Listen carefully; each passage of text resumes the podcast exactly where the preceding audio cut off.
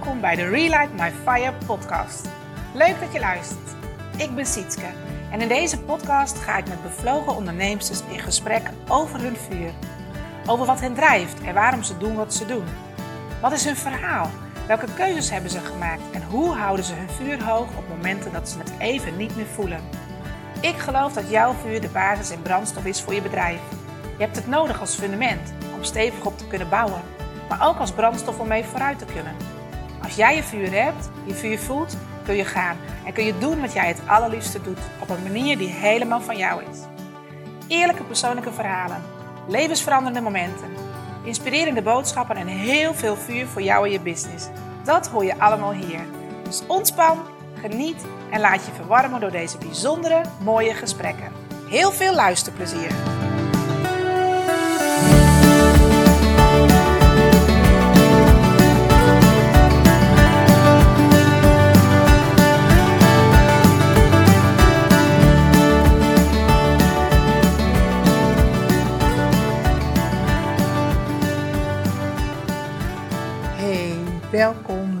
Een nieuwe aflevering van de Relight My Fire podcast. En ik neem deze podcast gewoon heerlijk op zo in mijn woonkamer. Uh, misschien klinkt het een beetje, maar uh, het was tijd om, uh, om weer eens even uh, ja, naar jullie toe te praten. Dat gevoel had ik al een tijdje en ik denk dat dit een goed moment is. Ehm, we hebben als gezin twee heftige weken achter de rug. Echt een rollercoaster aan emoties uh, gevoeld. En uh, ik dacht eerst, ik schrijf het allemaal op. Maar toen dacht ik, nee, weet je, ik, ik ga het inspreken. Ik, uh, het voelt goed om dit gewoon allemaal te vertellen, hoe het is geweest. En uh, welke lessen ik daar voor mezelf weer uit heb gehaald. Um, ja, hoe is dit begonnen? Hoe waren deze twee weken? Nou, om het even heel kort te zeggen, mijn uh, schoonvader is overleden. En hij, uh, hij zat al anderhalf jaar in een verzorgingstehuis uh, hier in de buurt. Hij had de ziekte van Alzheimer en hij is heel lange tijd heeft hij thuis kunnen wonen. Mijn schoonmoeder heeft hem nou zeker zeven jaar, dat hij echt al wel ziek was, nog wel thuis verzorgd tot het vorig jaar in juni niet meer ging. En uh, wij ontzettend blij waren dat er een plekje was in het verzorgingshuis. En uh, toen hebben zijn beide zoons, mijn man, ook onder andere Gert, uh, hem naar het verzorgingshuis gebracht. En uh, ja, dat deden ze natuurlijk met lood in de schoenen. Want dat is ook gewoon ontzettend heftig om dat, uh, ja, om je vader naar een verzorgingshuis te brengen wetende dat dat het eindstation is voor hem. En uh, ja, dat is voor hun heel heftig geweest. Voor allebei de jongens. Hè. Gert heeft nog een broer. Voor allebei de jongens heel heftig geweest. En uiteindelijk ja, waren de laatste jaren uh, sowieso natuurlijk wel dat hij zijn vader steeds meer kwijtraakte. Hè. Een vaderpersoon, vaderrol.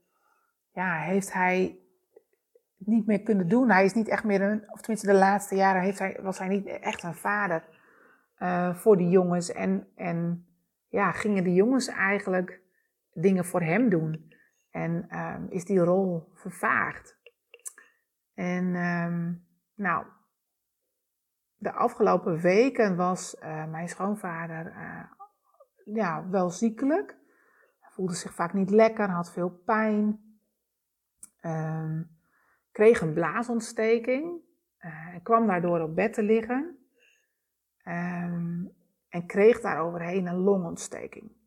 Daarbij had hij een bacterie bij zich en daar kwamen we pas eigenlijk achter tijdens die blaasontsteking en longontsteking. En dat was een, soort van ziekenhuisbacterie uh, die maakte dat hij resistent is uh, voor veel medicatie. En uh, de eerste medicatie die hij kreeg voor de blaasontsteking sloeg dus ook niet aan. Uh, waardoor zijn ziekbed ook langer was. En hij dus eigenlijk ook niet opknapte. En um, pas daarna, uh, pas dat, nadat ze erachter kwamen dat hij die bacterie had en hij andere medicatie kreeg, nou, ging dat qua blaasontsteking beter. Maar goed, hij had natuurlijk ook die longontsteking gekregen. En je merkte aan hem dat hij niet echt meer opkrabbelde. Hij werd zwakker, zieker, had veel pijn. En ehm, we waren eigenlijk al, denk ik, in ons achterhoofd, nou, ook wel er bewust van dat, het misschien, dat hij misschien niet meer beter zou worden. En ehm, het vervelende was, was dat mijn schoonmoeder uh, besmet werd, corona had, een, een coronabesmetting had. En ook mijn schoonzusje uh, corona had. En ehm, zij waren dus in quarantaine. Zij zaten thuis. En zij konden dus in de tijd dat hij zo ziek was, dat hij die blaasontsteking, longontsteking niet naar hem toe. En dat, heeft, uh, dat is wel heel pijnlijk geweest. En uh, hij, we merkten aan hem dat hij er niet bovenop kwam. En ik weet nog dat eigenlijk de vrijdags voor hij overleed, uh, heeft de dokter van het verzorgingshuis mijn schoonmoeder ook gebeld van, ja, uw man heeft gewoon ontzettend veel pijn en we willen graag beginnen met morfine. Ehm, waarop mijn, moeder, mijn schoonmoeder aangaf van, goh, nou, ik mag weer uit huis. Hè? Ik, ik hoef niet meer in quarantaine en ik ben van plan het weekend te komen. En toen had de arts gezegd, dan wil ik graag dat u morgen komt. Met andere woorden, het gaat echt niet goed. Het wordt tijd dat jullie, uh, dat, dat, u komt. En uh, wat hebben ze nu gedaan? Ze hebben dus met morfine gewacht. Uh, totdat zij bij haar man zou kunnen zijn, omdat hij waarschijnlijk door de morfine gewoon erg suf zou zijn, misschien niet meer aanspreekbaar. En uh, ja, ik denk dat dat, dat het verzorgingshuis dat gewoon heel goed heeft ingeschat. Uh, waarop mijn schoonmoeder de volgende dag, de zaterdags, uh, samen met mijn man Gert en met haar andere zoon Jaap, naar het verzorgingshuis is gegaan. Ze waren met eigenlijk als gezin op dat moment even samen. En heel bijzonder was dat hij op dat moment een heel helder moment had. Echt een opleving had. Hij was goed bij. Hij heeft uh, dingen gevraagd. Hij heeft lekker koffie gedronken met ze. Hij uh, was goed aanspreekbaar. Maakte vol zinnen. Uh, was oprecht geïnteresseerd en nieuwsgierig. En onder andere bijvoorbeeld ook naar onze kinderen, naar, naar Timian over zijn voetbalwedstrijd. Amarin, zo die het doet op school. En nu zeggen we achteraf, dat is echt een heel bijzonder, heel, heel bijzonder moment geweest.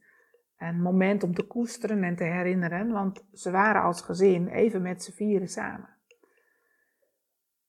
Toen hun naar huis zijn gegaan, is er gestart met morfine. Om hem in ieder geval niet, uh, om ervoor te zorgen dat hij geen pijn meer zou hebben. Want het doel was, hij mag niet pijn lijden, hij mag geen pijn hebben, hij moet zo comfortabel mogelijk zijn. En uh, dus er is gestart met morfine. En um, ja, uiteindelijk was zondag ook nog wel een redelijke dag voor hem. Mijn schoonmoeder belde sowieso ook twee keer per dag, s ochtends en s avonds, hoe het met hem ging. En hij had, uh, s morgens was het niet zo best die zondags, maar aan het eind van de dag knapte hij wel redelijk weer wat op. En was hij nog, nou had ze nog aan de telefoon een paar woorden ook s'avonds tegen hem kunnen zeggen. Maandags ging het al achteruit. En dinsdagmorgen werden wij gebeld dat hij hard achteruit ging. En dat we moesten gaan komen. En dan, ja, knijpt je keel wel dicht. Want uh, dan weet je dat het, uh, ja, dat het slecht gaat en dat het wellicht ook gewoon eindig is. En um, wij zijn daar dinsdagmorgen met z'n allen naartoe gegaan, hebben rond zijn bed gezeten en toen was hij al, was hij echt al ver heen. Was hij slecht, hij, zijn ademhaling was niet regelmatig, viel al bij tijden weg. En um, goed, hij kreeg, hij kreeg veel morfine, dus hij was ook niet meer aanspreekbaar. Dus dat moment van die zaterdag daarvoor was echt heel bijzonder en heel, ook heel belangrijk. Um, wij zijn uh, vanaf dat moment gaan waken. Um, hebben echt ervoor gekozen om, um, ja, om bij hem te zijn. We hebben ook gezegd van, goh, het mag niet zo zijn dat hij alleen is. We wilden niet dat hij uh, alleen zou zijn. En we hebben vanaf dat moment ook gezegd van oké, dan gaan we nu een waakschema maken. Uh, want we zijn in principe maar met z'n vieren. Uh, mijn schoonmoeder die is al op leeftijd en, en moet ook gewoon, die was natuurlijk ook nog herstellende van die coronabesmetting. Ze moest gewoon s'nachts in haar eigen bed kunnen liggen en goed slapen. Dus wij hebben een, een soort van schema gemaakt waarop we bij hem zijn gaan waken. En nou, we hebben gewaakt tot de nacht van woensdag op donderdag. Want hij is in die nacht om kwart over één s'nachts overleden. En gelukkig was mijn man daarbij. Hij was een van de kinderen erbij. En um, ja. Ja, een heel verdrietig moment. En um,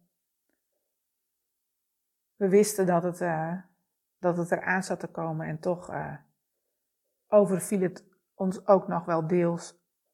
Um, want het ging ook best nog snel. En gelukkig maar aan de ene kant, hè, dat het lijden beperkt is, dat we niet dagen, dagen hebben moeten waken. Um, en toch schrik je ervan. En is het heftig en gebeurt het.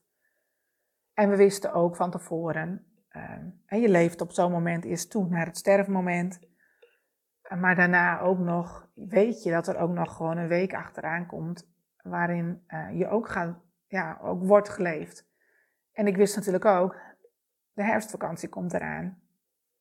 Uh, gelukkig konden we ja, enorm bouwen op mijn ouders, die uh, de kinderen van school hebben gehaald en voor ze hebben gezorgd. En...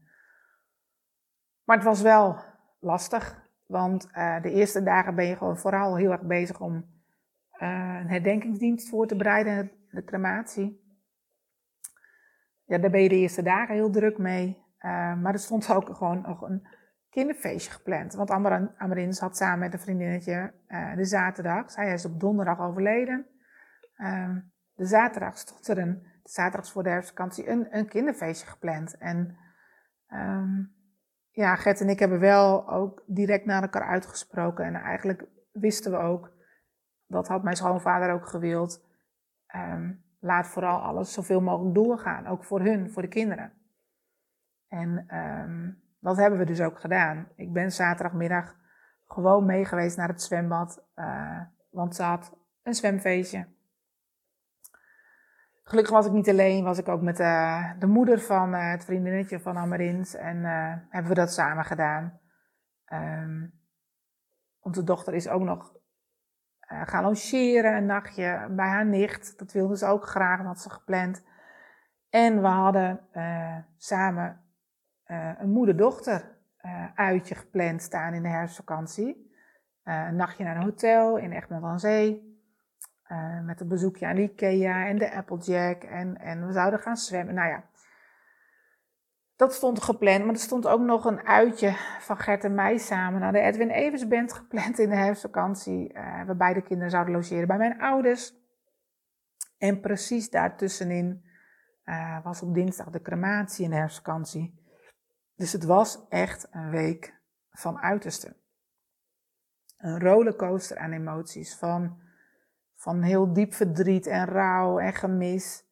Naar ook plezier maken, eh, blijdschap, ontspanning. En ja, weet je, de wereld gaat door, de dingen gaan door. Ik heb het echt ervaren als, uh, dit is iets wat gebeurt in ons cirkeltje. Uh, maar de wereld gaat verder. Alles gaat door gelukkig ook deels mijn bedrijf. Natuurlijk heb ik de calls afgezegd en, en heb ik uh, de klantmomenten uh, verplaatst. En uh, zo dankbaar voor hun reacties. Um, omdat ze gewoon wel door konden. Hè? Zij, zij, um, zij hebben de werkboeken, de, de calls zijn verplaatst, de momenten samen zijn verplaatst. Maar zij konden wel door. En dat maakt me dan op zo'n moment ook zo dankbaar voor um, hoe ik mijn bedrijf dan heb ingericht. Um, een call kun je verzetten. Dan schuift het maar een week of twee weken op. Het is allemaal niet zo erg. En de dingen komen ook zoals ze komen. En ze gaan ook zoals ze gaan. En dat heeft altijd een reden. Het is altijd precies goed. En um, dat vind ik wel. Daarin is mijn rol van, van vertrouwen op wat er gebeurt. Vertrouwen op hoe de dingen gaan. Niet altijd zoals je verwacht, plan to be surprised. Maar wel precies goed. En um, ik geloof daarom ook dat um, dit moment waarop dit nu gebeurde, deze twee weken heftig waren, een rollercoaster, um, dat er ook weer zoveel lessen in zitten uh, die je zelf krijgt als je met zo'n situatie te maken hebt. Ook voor je bedrijf, ook voor je eigen ontwikkeling. Even een slokje thee tussendoor. Uh, het is, um, het heeft me in die zin geïnspireerd dat je gewoon kunt loslaten. En op het moment dat je loslaat, uh, letterlijk het echt laat gaan, niet vast, niet vast probeert te houden van, oh, maar hoe komt het dan? En komt het wel goed? En, en, maar ik kan toch niet? En, en wat mijn klanten dan? En dat, weet je, als je op dat moment, als je gewoon loslaat, dan, ja, dan is de weerstand weg en dan gaat het zo. En vandaag, ik ben vandaag weer begonnen, het is de maandag na de herfstvakantie, ik ben gewoon weer aan het werk. Iedereen is weer naar school, uh, uh, Gert is weer aan het werk. En je pakt, pakt het ook allemaal zo makkelijk weer op. Ik, heb, kreeg zelfs van iemand terug van, ik had al het gevoel, al was er iets. En ik denk, die energie, dat voelen mensen ook. Mensen voelen wel dat jij er even niet kan zijn. Of dat jij er even niet bent. En ze voelen ook als je er weer wel bent. Dat, dat voelen, um, dat voelbare stuk, ik heb daar ook wel eens eerder over geschreven. Dat voelbare stuk is nog zoveel belangrijker dan het zichtbare stuk. Ik hoefde dus ook niet zichtbaar te zijn. Mensen hebben blijkbaar gevoeld dat ik er even niet kon zijn. En die les wil ik je ook heel graag meegeven. En laat het los. Op het moment dat je er even niet kunt zijn, al is het door je gezin, al is het door een omstandigheid, of dan ben je ziek, of het kan gewoon. Men voelt wel dat jij er niet kunt zijn. En het gaat niet om het zichtbare. Je hoeft niet zichtbaar te zijn om het zichtbare. Um, je bent er op het moment dat je er bent. En dat is helemaal goed. Het is precies goed. En juist daarop vertrouwen, het vertrouwen daarin te leggen, ik denk dat dat maakt um, dat het dat het ook niet uitmaakt. Omdat je dat diepe vertrouwen hebt en je er weer bent als je er kan zijn, dat voelen mensen altijd. En dan is ook jouw authentieke vuur, jouw zijn, is er gewoon. Dat weten mensen, dat voelen mensen en dat vinden mensen. Altijd. Je hoeft het niet altijd te zijn. Laat maar los als het even niet kan. En zo heb ik dat dus ook deze twee weken ervaren. En vanochtend en eigenlijk gistermiddag al had ik er ook echt, voelde ik weer van, ik heb er zin in. Weet je, ik ben vanochtend weer gestart met de eerste calls. Vanmiddag weer een call. Um, de dingen die zijn blijven liggen, die pak je weer op en je gaat weer door. En dan voelen mensen dat je er ook wel weer bent. En dat maakt dat, je, dat het niet erg is om er even niet te zijn. Als het niet goed voelt. Als je er niet kunt zijn. Deze les wilde ik je heel graag, mee, graag meegeven en ik hoop dat je er iets aan hebt. Dat uh, mocht jij op een moment zijn waarop het even niet lukt of je er even niet kan zijn, dat het precies goed is. Het is echt allemaal oké. En laat je los, dan laat je dus ook de weerstand daarvan los. En wat die ene persoon mij dus ook teruggaf, ik had ook het gevoel of kon je er niet zijn? Nee, dat was dus ook zo. Dus mensen voelen dat, die energie, ze voelen jouw energie wel. Ze weten het wel, ze voelen het wel. En het klopt ook altijd. Dus het is allemaal oké wat er gebeurt. Dat wilde ik je meegeven. Daarover wilde ik vertellen. En uh, ik hoop dat ook voor jou daar een les in zit. En dat je er iets aan hebt. Dankjewel weer voor het luisteren. En uh, ja, ik hoor je heel graag uh, weer bij de volgende podcast. Voor nu een hele fijne dag. En heel graag tot snel. Doei doei. Ja, dankjewel voor het luisteren. Super tof dat je erbij was op mijn veranda. En nu ben ik natuurlijk heel benieuwd hoe deze aflevering jouw vuur heeft aangewakkerd. Wat je eruit hebt gehaald voor jezelf en hoe het jou heeft geïnspireerd. Laat het me weten via Instagram door een DM te sturen. En wil jij nu zelf een keer jouw vuur aanwakkeren en met mij in gesprek op mijn fantastische veranda? Let me know. Dat kan via mijn website www.sietskedijnen.nl of gewoon via Instagram. En ben jij nu geïnspireerd geraakt en wil je ook anderen inspireren? Deel dan deze aflevering. Maak een screenshot en tag me in jouw stories of in je feed. Super dankjewel en heel graag tot de volgende keer.